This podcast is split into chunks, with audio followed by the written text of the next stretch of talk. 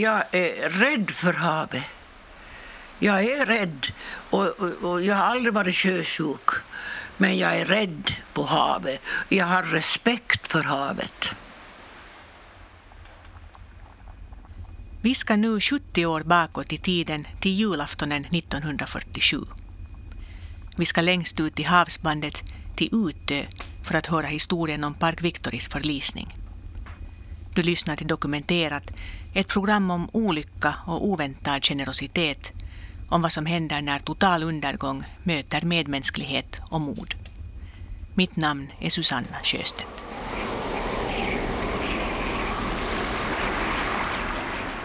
SS Park Victory var ett amerikanskt lastfartyg fullastat med kol som skulle till Helsingfors från Virginia i USA. Det hade startat torsdagen den 11 december från Newport och lämnat fyren Cape Henry bakom sig. 13 dygn senare hade man tagit sig över Atlanten och genom de danska sunden och på julaftonens eftermiddag vid tvåtiden siktade man Utö. Lotsen Nestor Lindström kom ombord och i gott väder gick man till ankars vid Lillharu sydost om Utö. Vattnen var ännu minerade efter kriget och det är fullt av grynnor som man skulle fortsätta först tidigt på juldagsmorgonen. Fyren på Utö tändes klockan 15.29 den julaftonen och solen gick ner tre minuter senare. Besättningen hade valt att inte fira jul ombord. Istället skulle man bjuda föräldralösa krigsbarn på en julfest då man väl var i hamn i Helsingfors. Men på Utö skulle man fira jul. Den blev oförglömlig.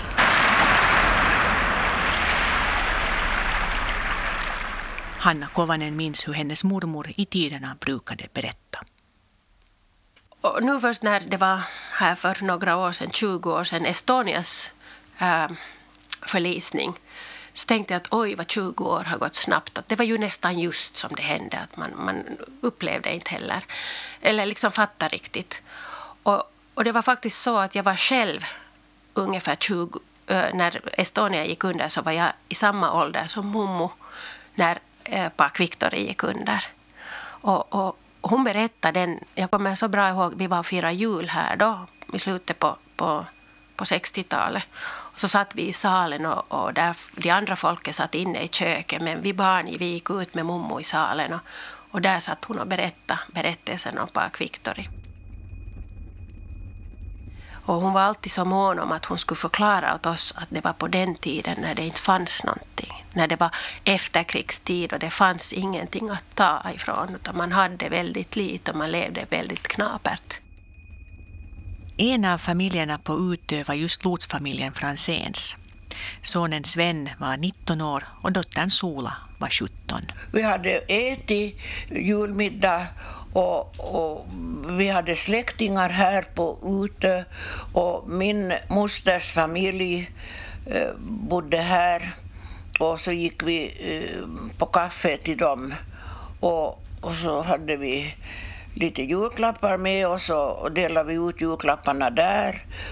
Eh, vi satt tre, fyra timmar där och när vi kom ut, ett sånt oväder. Och när vi gick dit, det var en sån stjärnklar himmel. Men när vi gick därifrån, halva kroppen var gömd i snön.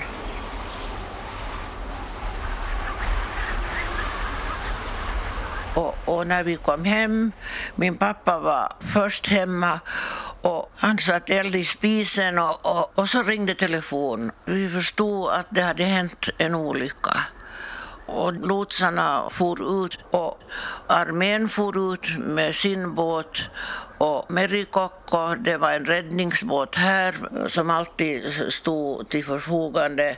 Mm, och, och det där så att eh, och, och lotskuttern det var tre båtar som skulle eh, rädda Park Victory. Men det fanns ju inga eh, Park Victory kvar mera. Den hade sjunkit så snabbt.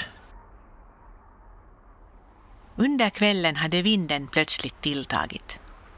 Lotsen Nestor Lindström hade uppmanat kaptenen att byta ankarplats och det hade man också gjort.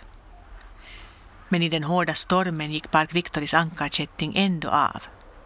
Båten började driva, den gick på grund och började ta in vatten.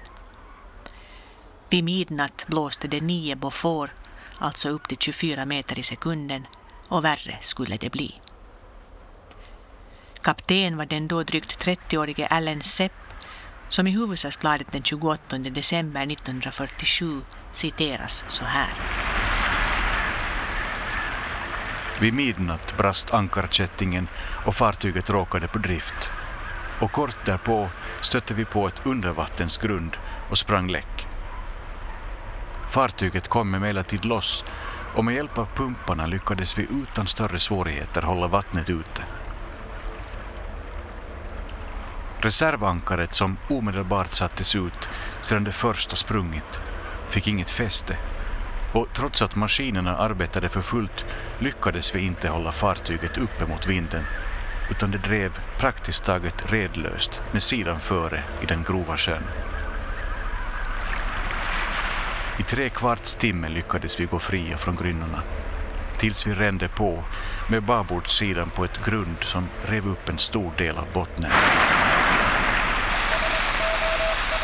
Vattnet strömmade in med våldsam hastighet, maskinerna stoppade och belysningen slocknade. Och jag gav order om att livbåtarna skulle bemannas medan vi sände ut SOS-signaler.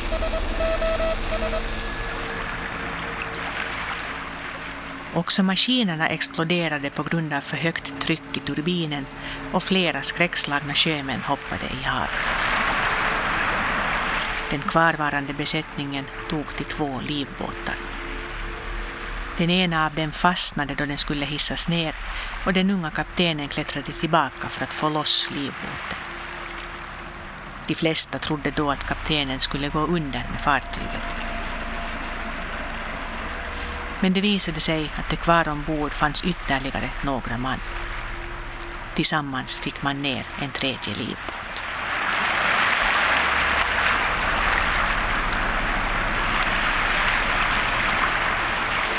I tre livbåtar försökte de kvarvarande ro i snöstormen mot Utö. Vissa dog.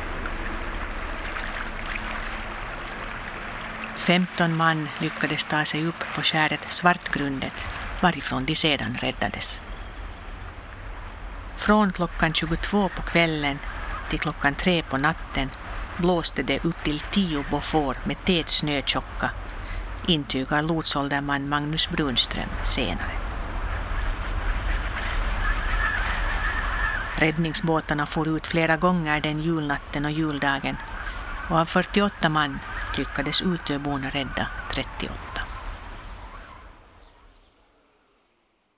Sen när de skulle komma, räddningsbåtarna skulle komma i land och, och, och så gick vi ner, eh, alla människor från alla hushåll gick och, och tog emot. Det delades eh, upp, varje hem tog någon eh, skeppsbruten. Vi hade då två sjömän som hade kommit hem till oss och Momo hon var en, en dam stark dam nog, men inte så stor i längden. Hon var 1,52 lång. Omfånget var nog kanske också 1,52 så hon hade en rund god mage att sitta i som barn. Och, och hon hade då med mamma, när man väl fick höra att fartygen kom eh, i land, så hade de då tagit fähuslyktan, för det fanns ju inte gatubelysning på den tiden. Och, och, och under kvällen och natten så hade det ju snöat ymnigt. Och det, hon då har, blev med, med, i den värsta snödrivan sen så blev hon fast så att det var eh, snödrivan var så djup att den räcktes upp till, till, till midjan ända. Och då hade fähuslyktan slocknat också där när man krängde sig fram. Men de kom ju fram och igenom och kom ner till hamnen. Och, och där organiserade sig folk då för att ta. Och när det då var två från oss, mamma och mormor, så då skulle det hämtas två sjömän till oss. Det var militärpersonal och andra som då, familjer som hade blivit väckta och alarmerade att, att fara ut på sjön och, och hjälpa till. Och mormor sa att hon är nog så stark när hon drar upp skötor ur sjön att hon kan nog dra en takastoppen på, på axeln, att det är ingen konst det alls. Nå, så stod hon där då och väntade på sin kar då, så att säga och han steg upp där eh, lite svårt upp på kajen där han hade svårt för att stiga upp men han krängde sig upp och så steg han och steg han. Och det var ju inte någon belysning där så mycket på, på, på, på Stora bron heller. Så men hon såg hur skepnaden steg upp och upp och upp och han var över två meter lång. Och det bara var så här fuktigt vatten som såg ut att rinna och, och, och håret hade klistrat sig framför ansiktet. Och, och hon tittade på honom och tyckte att han hade nu inte mycket kläder på sig att han var ju naken så sa man ju förr när man inte hade några kläder, alltid sa att mormor gå inte naken ut, fast jag hade på palta alltid och alltid skulle jag ha massa kläder på som barn. Men så tittade hon ner och där var faktiskt nakna fötter, för han var barfota. Han hade då, det visade sig senare att, att han dessutom hade tappat sina glasögon och att han hade bara underklädsomgång på sig, för han hade varit och sovit när alarmen gick och han hann ju inte klä på sig något annat än, än, än flytvästen sen. Nu där i mörkret sen så hade man ju haft filtar med så att man skulle klä på det här och, och snabbt då när Momo insåg att han var barfota så skulle de måste ta sig vidare så att han inte skulle riktigt frysa ihjäl. Och där gick de med hon satt filten runt honom och så gick de vidare och genom tjock, djupa snödrivan kom man ju enkelt när det, den här gången när det var en lång kar med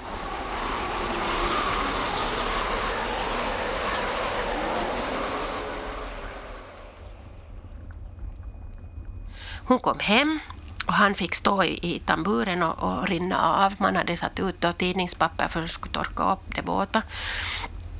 Och så gick hon in till köket där man hade eh, koka upp hett vatten på köksspisen och, och, och, och rulla undan julmattorna. De skulle ju inte bli våta dit utan det var ju fint städat till jul och så här och så hade man tvättat in en tvättbalja som han skulle kunna värma sig i. Men Momo tyckte att, att han, han, när han luktade lite sådär olja, att tänk om han var, tänk om han vad heter det, inte var riktigt ren, att han hade varit i maskinrummet eller någonting. För saken, till saken hör att, att i den här förlisningen när Park Victory körde på grund och man försökte ta sig loss så sprängdes maskineriet på grund av eh, för högt tryck, tryck i, i, turbinen. Och, och då sprängdes inte enbart hål i sidan utan också en del av bränsletankarna. Och då flöt det ut olja i sjön. Och när man sen var i räddningsbåtarna så kom ju vågorna in i båtarna att, att han hade ju inte hamnat i sjön man hade inte gått och lagt sig ännu för att mormors uh, tvillingsyster Nanna, hon var då gift med lotsåldermannen här uppe i byn och de hade varit där på kaffe och kommit hem efter midnatt och då hade det varit så snöigt och de hade blivit och eldat lite och värmt i huset innan de skulle lägga sig och då hade alarmet gått. Men då, halv fem-tiden hade man då gått ner till stranden och nu var fem, klockan fem ungefär och mormor bestämde sig att, att han måste nog då ta så, och lite få, att han ska tvätta sig så att han inte luktar så, så rysligt mycket olja. Jag bar en, en skeppsbruten hem och, och då uh, han var medvetslös och jag bar hem honom i min famn. Och han var tung förstås när han var medvetslös. Och så kom vi hem och så la jag honom i, i, klädde av honom och la honom i säng. Vi hade rena lakan eh, när det var julafton, att bäddarna var färdiga för oss men för skeppsbrutna också. Och så vakade jag över honom hela natten. Han visste inte till sig och, och, han trodde att han var i himlen och att jag var en ängel. Och han pratade osammanhängande ord och, och, och jag lugnade ner honom. Och, och sen när han vaknade på morgonen så han var nästan klar och så frågade han att hur många sjömän har ni rädda? Och så sa jag åt honom att det är tio stycken som inte har räddats och de andra har räddats. Och när han hörde eh, att männen har omkommit och drunknat så grät han i mina armar. Ja, som ett litet barn.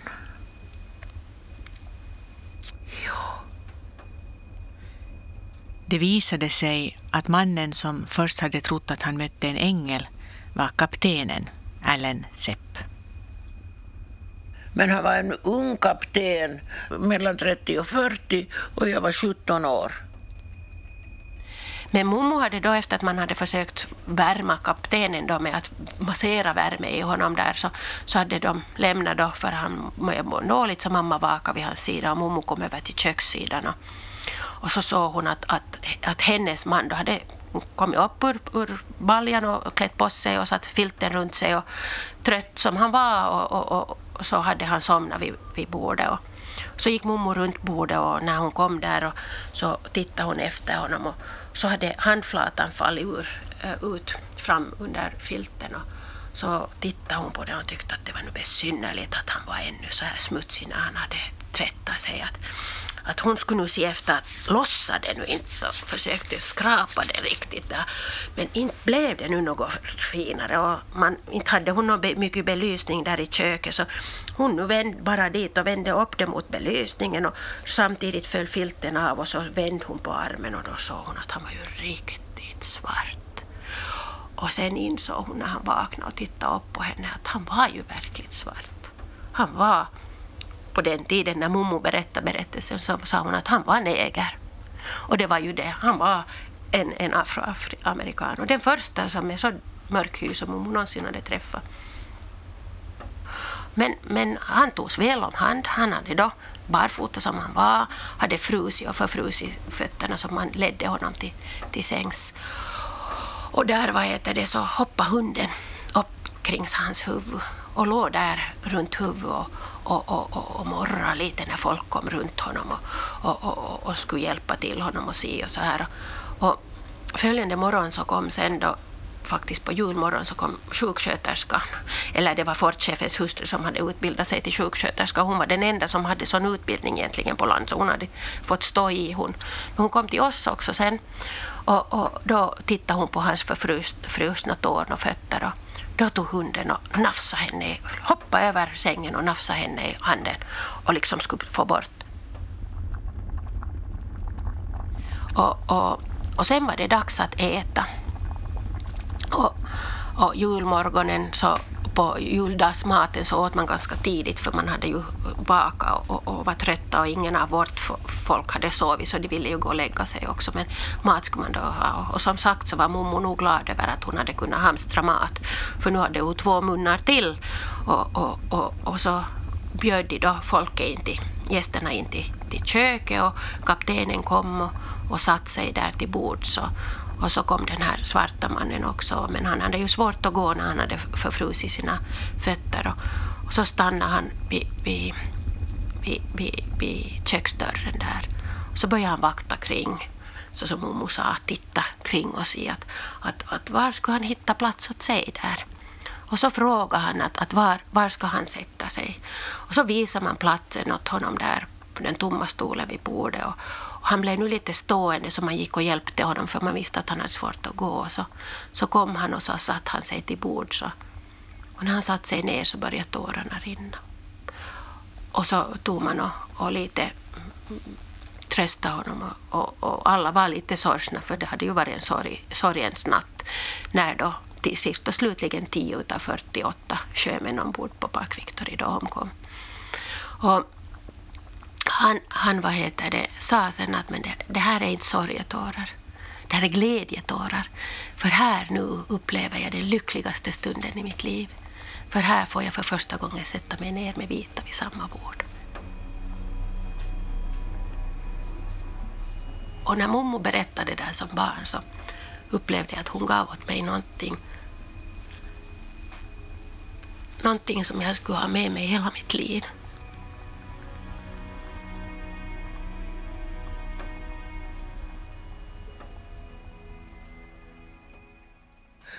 De här sjömännen som blev räddade, de gick till, från hus till hus för att eh, träffa andra och hur olyckan eh, hade riktigt gått till.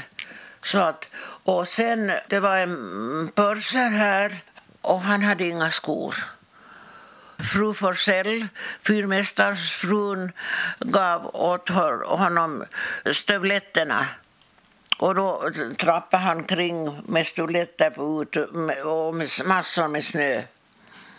Och så kom han hit och träffade kapten och så berättade han att eh, nu ska vi eh, ha fest ombord på Park Victory. Och så sa vi att det, det finns inga mera. Den har sjunkit.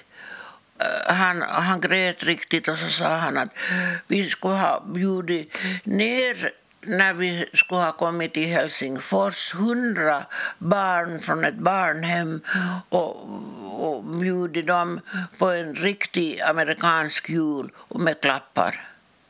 Och då blev det ingenting av det. Då. Så att de hade förberett den där julafton för de här barnhemsbarnen. Kapten Sepp höll kontakt med familjen Franzén i många år. Han blev frikänd i rätten efter en process om Park Victory och slutade sina dagar som lots på Jungfruöarna. Han dog 1981. För några år sedan återupptog familjerna kontakten efter att Hanna hade hittat kapten Sepps ättlingar via Facebook. Och när kaptens eh, frun Allan Sepps fru var här i sommar så hade hon ett paket med en eh, sjal och hon skrev ett vackert eh, kort och, och tacka för att, henne, att jag hade tagit hand om hennes man vid olyckan. July 2017. By saving my husband's life, you gave my family many years of happiness. Captain Sepp enjoyed a long life thanks to your family. Your friend Billy Sepp and family. I och med att ni räddade min man gav ni oss många år av lycka, skrev alltså kapten Sepps änka i somras. Hon är 96 år, har hy slet som ett barn, äter bara vitaminer och dricker ett glas rödvin om dagen, berättar Sola. Hon, hon bjöd mig att jag ska komma dit och så sa jag nej, nej, nej, inte kommer jag dit men jag ska tänka på det alla dagar. Alla utebor fick länge Amerikapaket. Bland annat kom det en stor last med kaffe och socker. Det valde man ändå att sälja och för de pengarna beställdes en silverljusstake med alla de tio drunknade sjömännens namn ingraverade.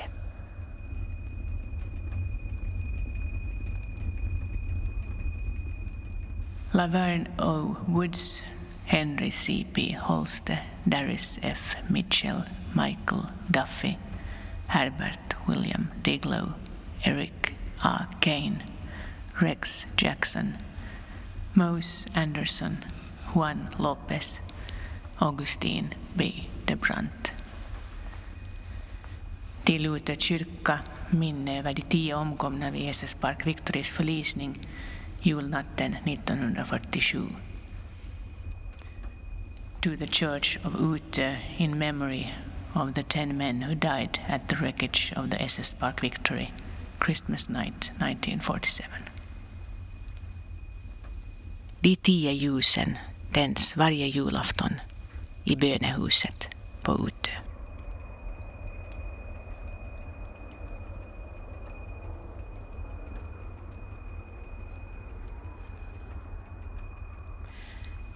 Du har lyssnat på Dokumenterat.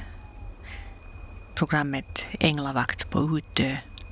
En sann saga om Park Victoris förlisning julnatten 1947.